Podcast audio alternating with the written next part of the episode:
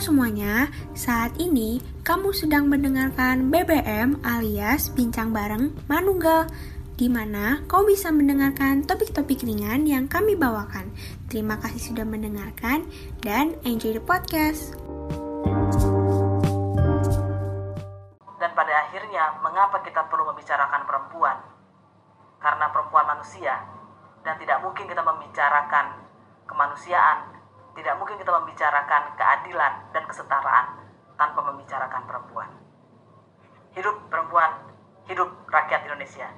Orasi yang baru saja didengar tadi merupakan salah satu orasi yang disampaikan oleh Asfinawati dari Yayasan Lembaga Bantuan Hukum Indonesia pada acara Puncak Women's March 2021 yang baru saja diselenggarakan sejak tanggal 21 April hingga tanggal 24 April. Nah, siapa yang masih merasa asing dengan peringatan hari lahir Kartini? Yang setiap tahunnya diperingati pada tanggal 21 April. Bukan sekadar peringatan hari lahir Kartini sebagai pahlawan pergerakan wanita, 21 April juga menjadi sebuah pengingat bagi kita semua bahwa perempuan akan terus bergerak memperjuangkan hak-haknya. Namun, sebelumnya, sebenarnya apa sih definisi dari perempuan itu sendiri? Nah, mari kita berbincang dengan Mbak Dia Fitriani, Wakil Ketua BEM Undip 2019, yang kini bekerja sebagai jurnalis pikiran rakyat Media Network. Perempuan, ya, secara epistemologi, itu kan berasal dari kata perempuan gitu kan. Banyak lah yang sudah tahu ini, yang artinya ahli atau mampu. Nah, jadi perempuan itu merupakan orang yang mampu, orang yang mampu melakukan sesuatu. Kenapa sih kok lebih lebih apa namanya? lebih pengennya tuh disebut perempuan daripada wanita. Kalau wanita berasal dari bahasa Jawa gitu kan wani ditoto. Artinya orang yang bisa diatur. Tetapi selain itu dalam bahasa Sanskerta wanita itu berasal dari dua suku kata yaitu wan dan ita yang berarti yang dinafsui. Nah arti yang dinafsui ini konotasinya lebih negatif daripada makna dari perempuan. Makanya kita lebih sering dan lebih suka kalau saya ya lebih suka itu menyebut sebagai perempuan. Kemudian secara ontologi, perempuan itu adalah makhluk ciptaan Tuhan ya yang secara ilmiah memiliki organ-organ reproduksi seperti vagina, payudara, kelenjar susu ya, rahim dan sebagainya. Kemudian dia bisa menstruasi, hamil, melahirkan, menyusui gitu-gitu. Kemudian secara aksiologi, Perempuan itu adalah makhluk ciptaan Tuhan yang memiliki sifat memelihara bagi penghuni alam semesta lainnya. Dan salah satu sifat yang menjadi fitrahnya gitu ya adalah sifat-sifat keibuan yang telah tertanam secara alamiah. Nah, dalam sifat keibuan seorang perempuan ini kan ada sifat-sifat Tuhan ya seperti uh, pengasih, maha penyayang gitu yang merupakan sifat daripada perempuan. Artinya secara epistemologi secara ontologi, secara aksiologi, definisi perempuan itu menunjukkan bahwa perempuan adalah orang yang mampu memanajemen segala sesuatu dengan baik. Dari definisi perempuan saja sudah sangat luar biasa ya. Tapi kok bisa? Masih banyak kalangan yang abai terhadap hak-hak perempuan dan menganggap gerakan kesetaraan gender itu menjadi sebuah pro dan kontra di kalangan masyarakat. Ternyata jawabannya adalah kesalahpahaman terkait arti feminisme itu sendiri di setiap individu. Kita nggak pernah tahu batas dari sebuah isme itu apa, karena isme itu kan berbicara tentang pandangan seorang uh, individu tentang segala sesuatu gitu. Ismeku dengan ismemu beda mungkin dalam memaknai feminisme bisa jadi kan isme saya feminisme versi saya dengan feminisme orang-orang di India beda feminisme di orang perempuan-perempuan di Amerika beda. Makanya, tetapi gini, sebuah gerakan muncul itu pasti punya tujuan. Feminisme muncul, gerakan-gerakan feminin muncul itu untuk memperjuangkan perempuan sesuai dengan konteks, situasi dan kondisi pada saat itu. Kalau kita berbicara feminisme di India, mereka lebih memperjuangkan perempuan agar terbebas dari kekerasan dalam rumah tangga itu India konteksnya. Kalau kita berbicara tentang di Inggris, di Prancis dulu ya, maksudnya awal-awal uh, kemunculan feminisme itu, mereka memperjuangkan hak-hak kepemilikan, memperjuangkan hak pendidikan kalau di Prancis dulu. Kalau misalnya kita berbicara uh, feminis di kalangan orang-orang Asia kita lebih kepada kesamaan hak dan uh, ruang yang diberikan antara laki-laki dan juga perempuan. Jadi tujuannya sebenarnya adalah baik, tetapi ada yang kemudian ada nggak sih yang mis miskonsepsi tadi mbak? Ada pasti orang yang miskonsepsi.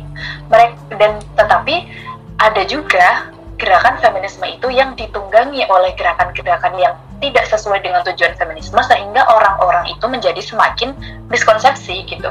Jadi, bisa kita lihat kembali bagaimana gerakan itu harus disesuaikan dengan norma dan konstitusi kita. Jangan sampai kita menuntut hak yang banyak, tapi ternyata di antara tuntutan tersebut melanggar norma dan konstitusi yang berlaku.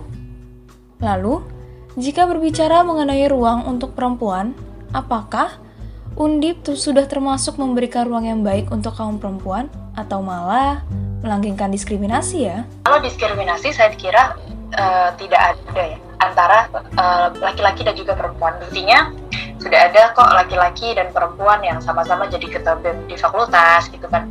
Mbak juga menjabat menjadi ketua wakil ketua BEM bahkan setelah Mbak wakil ketua BEM-nya kan perempuan terus gitu kan. 2008 uh, 2020 2021 bahkan yang terbaru juga perempuan artinya uh, ruang bagi perempuan untuk mengekspresikan dirinya dari segala aspek itu sudah terpenuhi. Artinya kalau kita berbicara organisasi, itu kan dia semacam uh,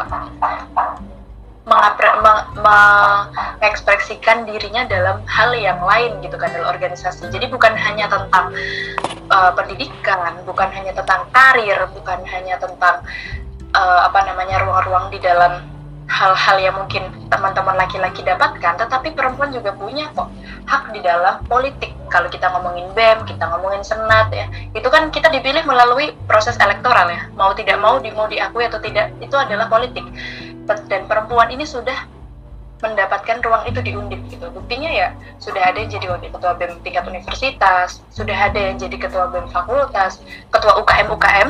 Sekarang juga banyak yang diduduki oleh seorang perempuan gitu. Bahkan eh, organisasi-organisasi uh, yang berbasis gender sekarang mulai aktif uh, digerakkan di Undip gitu. Walaupun walaupun tidak secara apa ya belum belum terlalu masif tetapi artinya ada perkembangan. Nah, sudah diberi ruang yang sangat baik, sudah seharusnya para mahasiswi ini menunjukkan kalau kita tentu mampu untuk menunjukkan taringnya.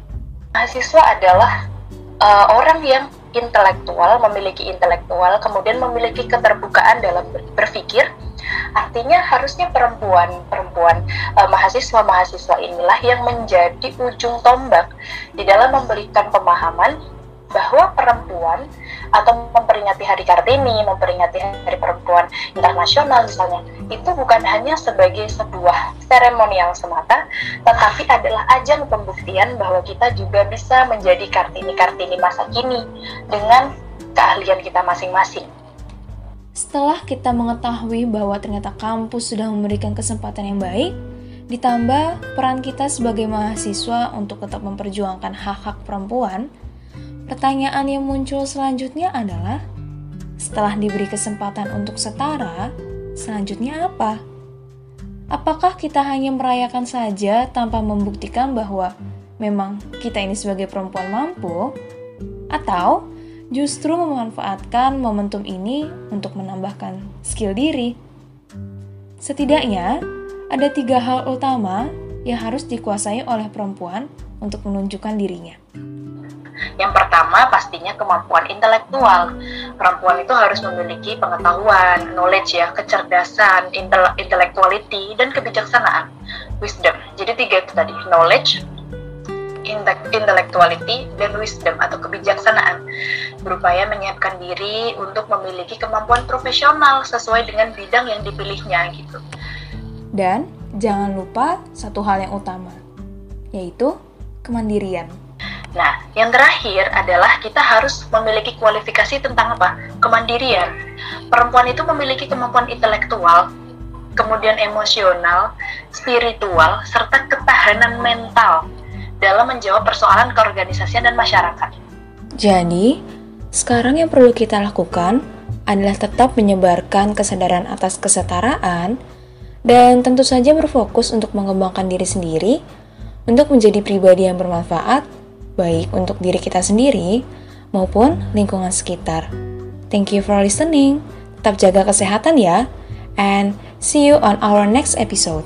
Ada pepatah lama yang sangat sederhana, yang orang-orang pasti juga udah tahu semuanya gitu, bahwa sebaik-baik manusia adalah manusia yang bermanfaat bagi orang lain.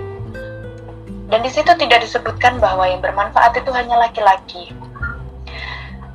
di situ disebutkan adalah manusia. Tuhan menyebutkan itu manusia. Tuhan menilai kita sama. Kenapa kita sebagai manusia menilai orang itu berbeda? Apakah kita lebih tinggi daripada Tuhan? Makanya, ketika kita berusaha menjadi manusia yang memanusiakan manusia, gitu. Jadilah manusia yang memanusiakan manusia, sehingga kita menjadi manusia yang sebaik-baiknya dengan manusia menjadi manusia yang bermanfaat bagi orang lain ketika kita bisa menjadi manusia bagi menjadi manusia yang bermanfaat bagi orang lain, kita akan mendapatkan kebahagiaan tersendiri kok. Kita bisa berkarya dengan sesuai dengan keahlian kita. Tidak ada yang tidak uh, tidak ada yang bisa membatasi keinginanmu selain dirimu sendiri. Makanya uh, bagi para perempuan, terutama teman-teman mahasiswa, teman-teman yang sedang berjuang atau di pekerjaan dan sebagainya, nggak apa-apa. Berjuanglah di bidangnya masing-masing menjadi versi terbaik daripada dirimu sebagai seorang perempuan. Tunjukkanlah bahwa kalian bisa menjadi versi terbaik dari dirimu tanpa uh, mendeskripsikan bahwa kalian adalah sebagai seorang perempuan